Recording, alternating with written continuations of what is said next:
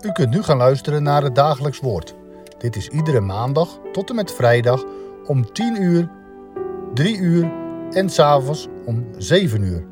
Deze meditatie wordt verzorgd door dominee Alblas.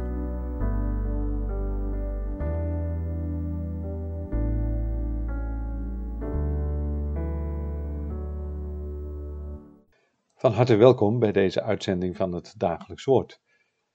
Vandaag zijn het de laatste verzen van het Bijbelboek Rut die centraal staan. Laten we die eerst maar eens lezen.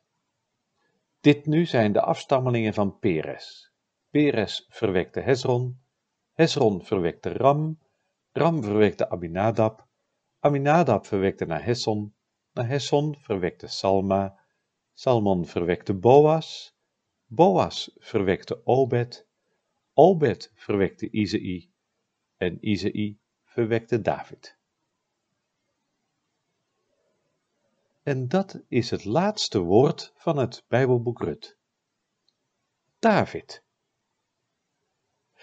Daar gaat het dus om. In heel dat Bijbelboek Rut gaat het uiteindelijk om dat laatste woord, om die laatste naam.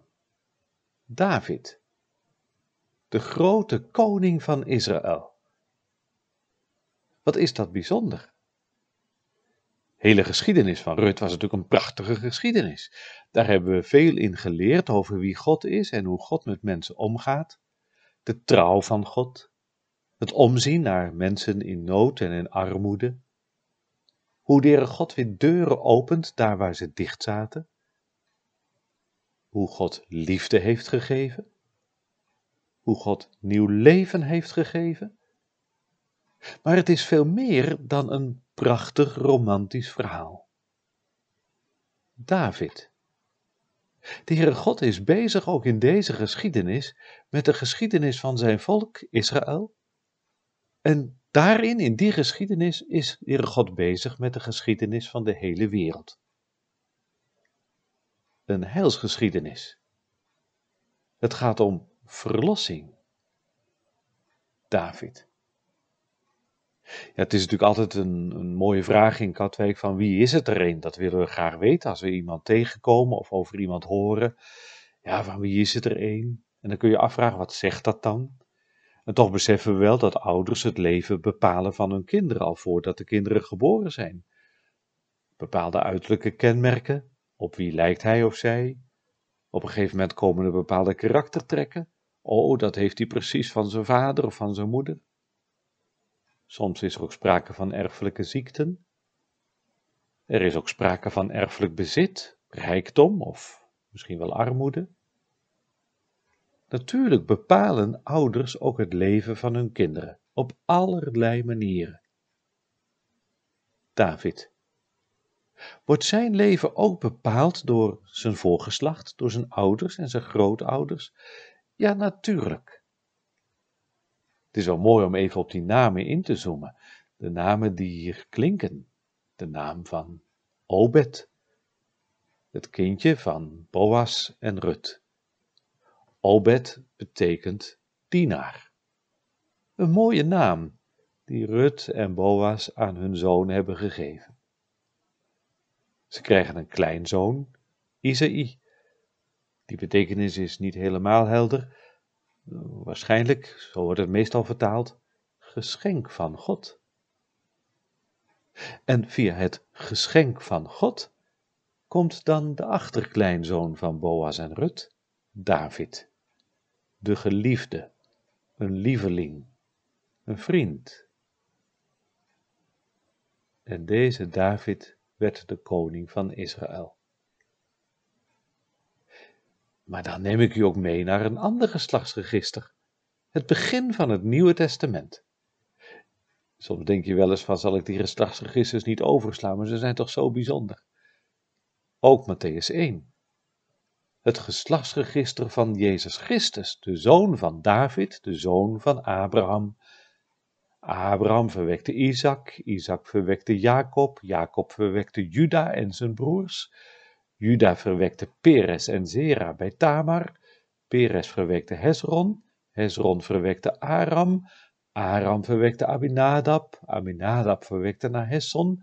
Nahesson verwekte Salmon, Salmon verwekte Boas bij Ragab, Boas verwekte Obed bij Rut, Obed verwekte Izei, Izei verwekte David de koning. Ja, de goede lezer zal het opvallen dat ze niet helemaal met elkaar kloppen. Hier in Matthäus worden zelfs een paar extra namen genoemd.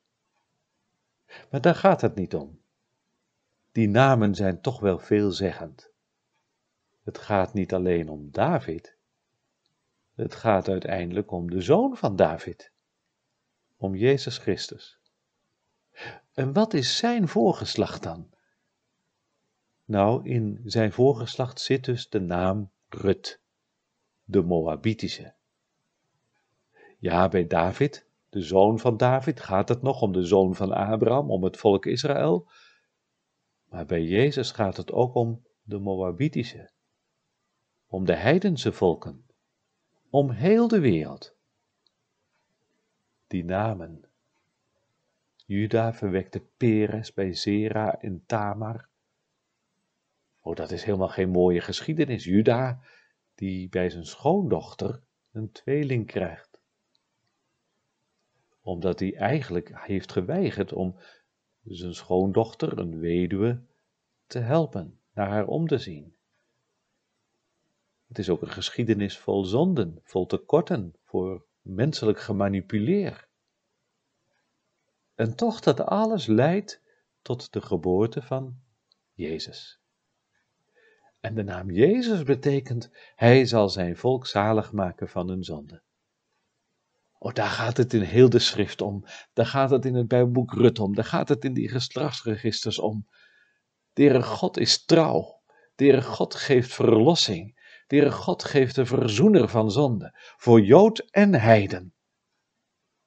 En zo klinkt ook vandaag bij deze laatste verse van het Bijbelboek Rut die duidelijke boodschap vanuit het Evangelie. Ja, er is alle reden om op God te vertrouwen.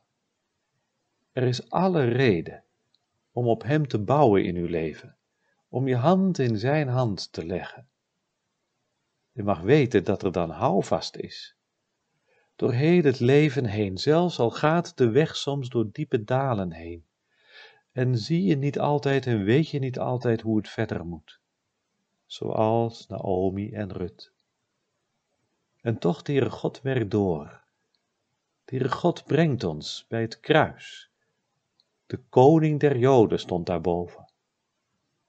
Maar ook de koning van ons, van u en van jou. De koning die verlossing geeft. De koning die regeert. De koning die de dood heeft overwonnen. De koning bij wie we eeuwig veilig zijn de koning die ook heet Immanuel. Zelfs in het dal van diepe duisternis ben ik erbij. Laten wij samen bidden. Heere God, wij danken u voor uw trouw, zo groot, zo bijzonder.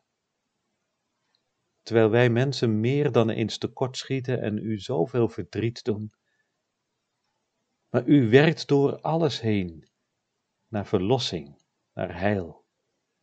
U geeft ons uw Zoon Jezus Christus, de Immanuel. Wij danken u. Danken u voor uw genade, voor uw trouw, voor uw zegen. Voor die plaats waar we veilig zijn en kunnen schuilen.